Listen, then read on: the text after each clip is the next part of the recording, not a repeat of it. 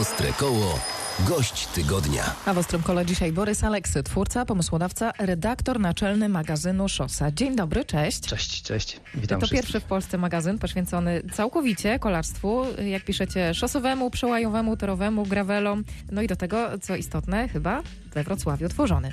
Skąd w ogóle Tak taki jest, pomysł, żeby wydawać szosę? Jak Dla nas był bardzo stało? naturalny, dlatego że mm, jesteśmy związani z prasą rowerową od znacznie dłuższego czasu niż mm, ten, kiedy, w którym y, tworzymy szosę. Pracowaliśmy, mówię my, to znaczy mam na myśli mnie i, nie, i Hanię Tomasiewicz, moją żonę. Tworzymy taki duet rowerowo-prasowy od, od kilkunastu lat. Pracowaliśmy wcześniej w innym czasopiśmie, nazywało się ono Magazyn Rowerowy. To, to była naturalna rzecz, y, że w pewnym momencie, kiedy wyszliśmy z magazynu, chcieliśmy dalej kontynuować pracę w tym temacie, w tym nastroju.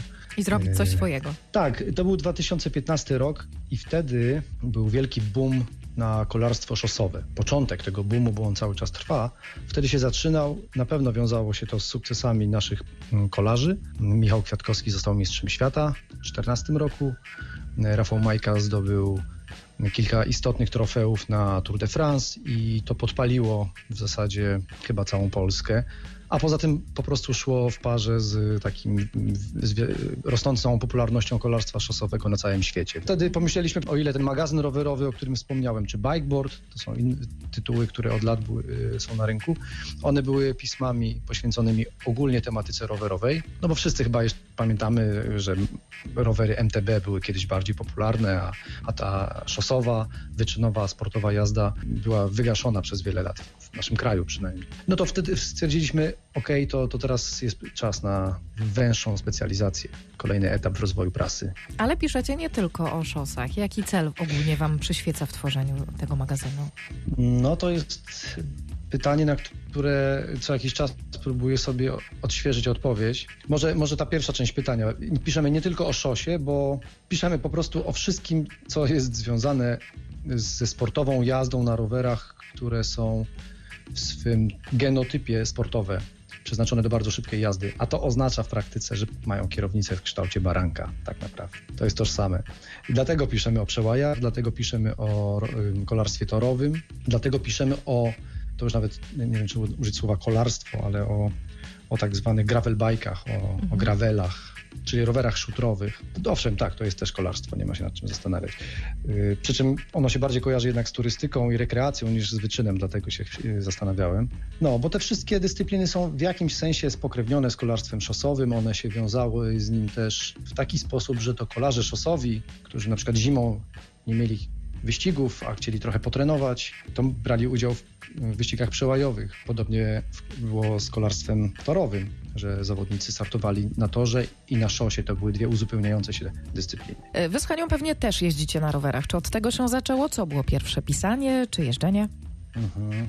Wiesz, muszę się chwilę zastanowić, bo jakoś tak w naszym przypadku to poszło, że naprawdę to zainteresowanie rowerami i początek pracy w, w magazynie rowerowym bardzo się pokrywa, pokryły w czasie, zupełnie przez zbieg okoliczności, no wiesz jak to jest. Oczywiście, że od lat jeździliśmy na rowerach i ha, jak mieliśmy paręnaście lat, chodziliśmy z Hanią do, do jednej klasy i byliśmy po prostu znajomymi. Hania jest z Wrocławia, ja jestem ze Środy Śląskiej, ale razem chodziliśmy do liceum i spotykaliśmy się na rowerze i właściwie ciągle o tym zapominam, ale tak, rzeczywiście rower nas połączył w jakimś sensie. To ładne. No, tak. Tak, i wycieczki, wycieczki rowerowe. No ja byłem zawsze takim gościem, co miał taki rower po tacie i jeździł po polach wokół Środy. No. Nie miało to żadnego związku z kolarstwem i, i nigdy nie sądziłem, że będę się rowerami zajmował, ale od tego jeżdżenia po polach, a potem od jeżdżenia po pol- przez jeżdżenie po polach z Hanią, a potem nagle przez wejście w świat MTB i chwilę później poznanie ludzi, którzy prowadzili magazyn rowerowy, jakoś to tak się udało rozwinąć. No dobrze, to o czym teraz głównie piszecie? Chciałbym, żeby tak to było odbierane, mam nadzieję, że, bo ja to tak widzę, że dominują historie. M- muszę się odwołać do pewnego y, stereotypu czy schematu, który chyba przez lata, lata obowiązywał. Pisma branżowe, kolorowe, które są pełne testów sprzętu, takiej szybkiej i błyszczącej grafiki, że tak to określę, Krzy, krzykliwych haseł, y, generalnie sprzedaży po prostu. Te czasopisma były dla nas jakby punktem wyjścia. Chcieliśmy się od nich odróżnić. Chcieliśmy y, zaproponować coś, co jest, nazwijmy to w trybie slow.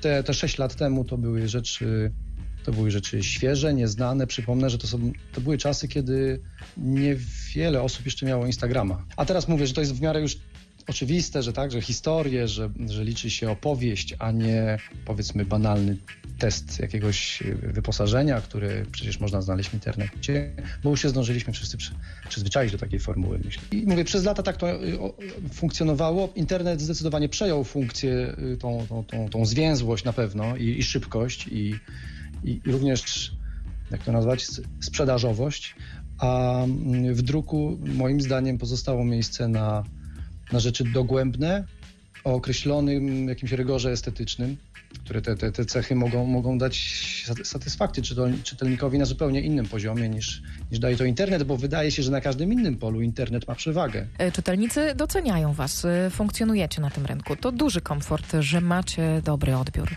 Że no działacie, to jest niesamowite. to jest niesamowite.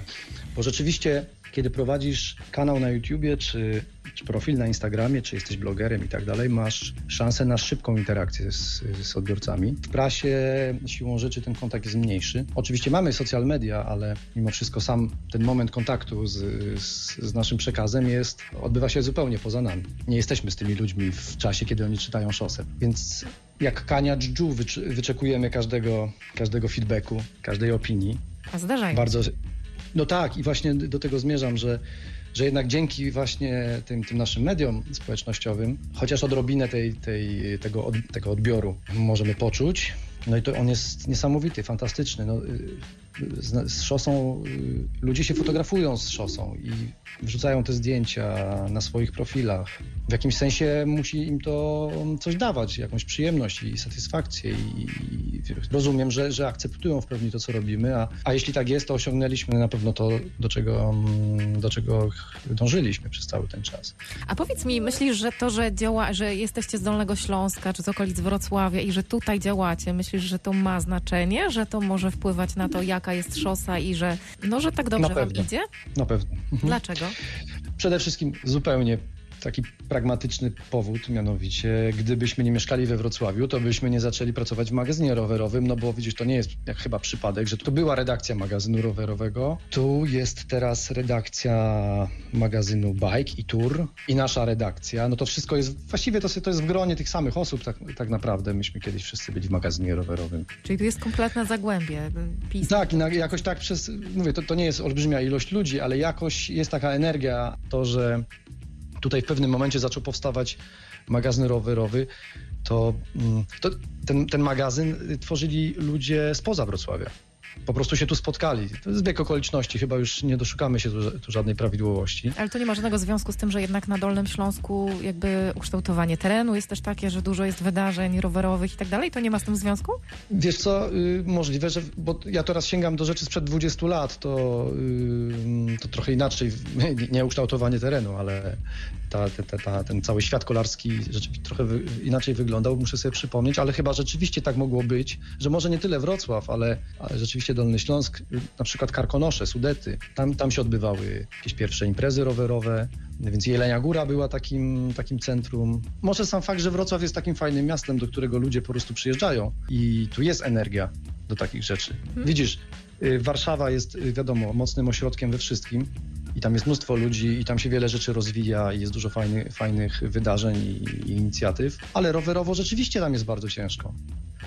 I tak ludzie sobie świetnie radzą, jeżdżą, tam są, tam się, tam się najwięcej dzieje, na pewno też biznesowo w tej branży. Ale rzeczywiście z Warszawy wyjechać na rower i znaleźć jakieś ładne miejsce mm, jest znacznie trudniej niż w wielu innych miejscach na, w, naszym kraju i, i Wrocław pod tym względem jest dużo, dużo łatwiejszy. Magazyn Szosa, wydawany we Wrocławiu, niedawno skończył 6 lat, a gościem Ostrego Koła dzisiaj jego założyciel i redaktor naczelny Borys Aleksy. Co z waszej perspektywy zmieniło się na przestrzeni tych 6 lat w świecie kolarskim? Rok temu, jak skończyliśmy 5 lat, to zrobiłem wywiad z Michałem Gołasiem i Michałem Kwiatkowskim, naszymi znanymi kolarzami. I właśnie to pytanie im zadałem. Też mi się wydało uzasadnione. I oni o tym opowiedzieli bardzo dokładnie. Jak ja będę teraz opowiadał, to trochę będę ich małpował siłą rzeczy. Oczywiście rozmawiałem z nimi o wyczynowym kolarstwie, a twoje pytanie jest pewnie trochę szersze. Tak. Ale wygląda na to, y, że zmieniło się bardzo dużo, nawet z perspektywy tych Michałów Kwiatkowskich, którzy są przecież, należą do grona najlepszych kolarzy świata, co ich tam interesują młodzi, ale, oni, ale ich jednak interesują, bo się okazuje, że na, od tego poziomu wyczynowego. Te wszystkie zmiany, które dotyczą całego świata, no internet, komunikacja, łatwość, łatwość eksplorowania świata, zarówno wirtualnie, jak i w rzeczywistości. Te wszystkie rzeczy, plus rozwój wiedzy, nauki związanej z kolarstwem, szczególnie jeśli chodzi o rozwój wiedzy takiej dotyczącej treningu, spowodował, że poziom sportowy zawodników oraz ich przygotowanie mentalne do stawania w szranki z, z innymi jest no, na, na, na, innym poziomie niż było, niż było kiedyś, oczywiście wyższy.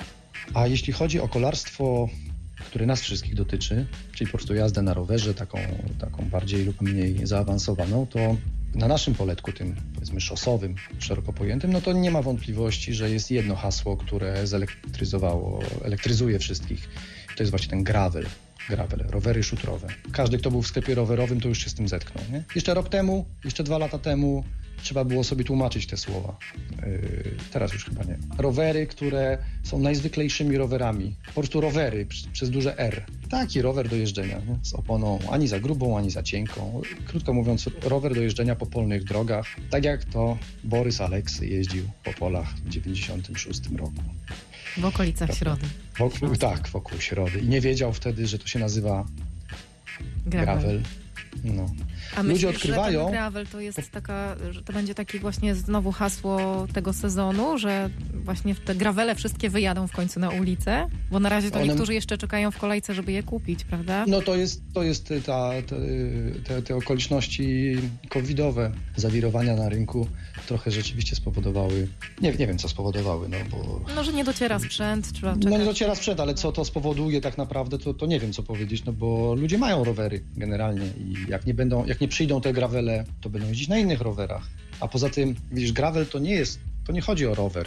Gravel to jest pewien, y, to jest podejście do, do, do jazdy. Jesteśmy przyzwyczajeni, żeby klasyfikować y, ten świat rowerowy na podstawie sprzętu, którego się używa. Masz górala, to przynajmniej teoretycznie on właśnie określa to twoje zainteresowanie. Jeśli masz rower enduro, to jesteś zawodnikiem enduro. Jeśli masz rower downhillowy, to możesz uprawiać downhill. Jeśli masz rower szosowy, to jesteś szosowcem. Nie? Taki schemat generalnie obowiązuje.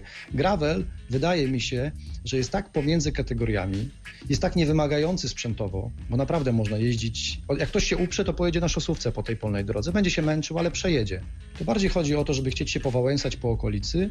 Moim zdaniem cały czas ist, ważna jest ta definicja, która mówi, że to nie jest jednak wyczynowe podejście do kolarstwa. Chociaż jak wiemy, są już od lat wyścigi gravelowe i jest mnóstwo zawodników, którzy są jak najbardziej wyczynowcami.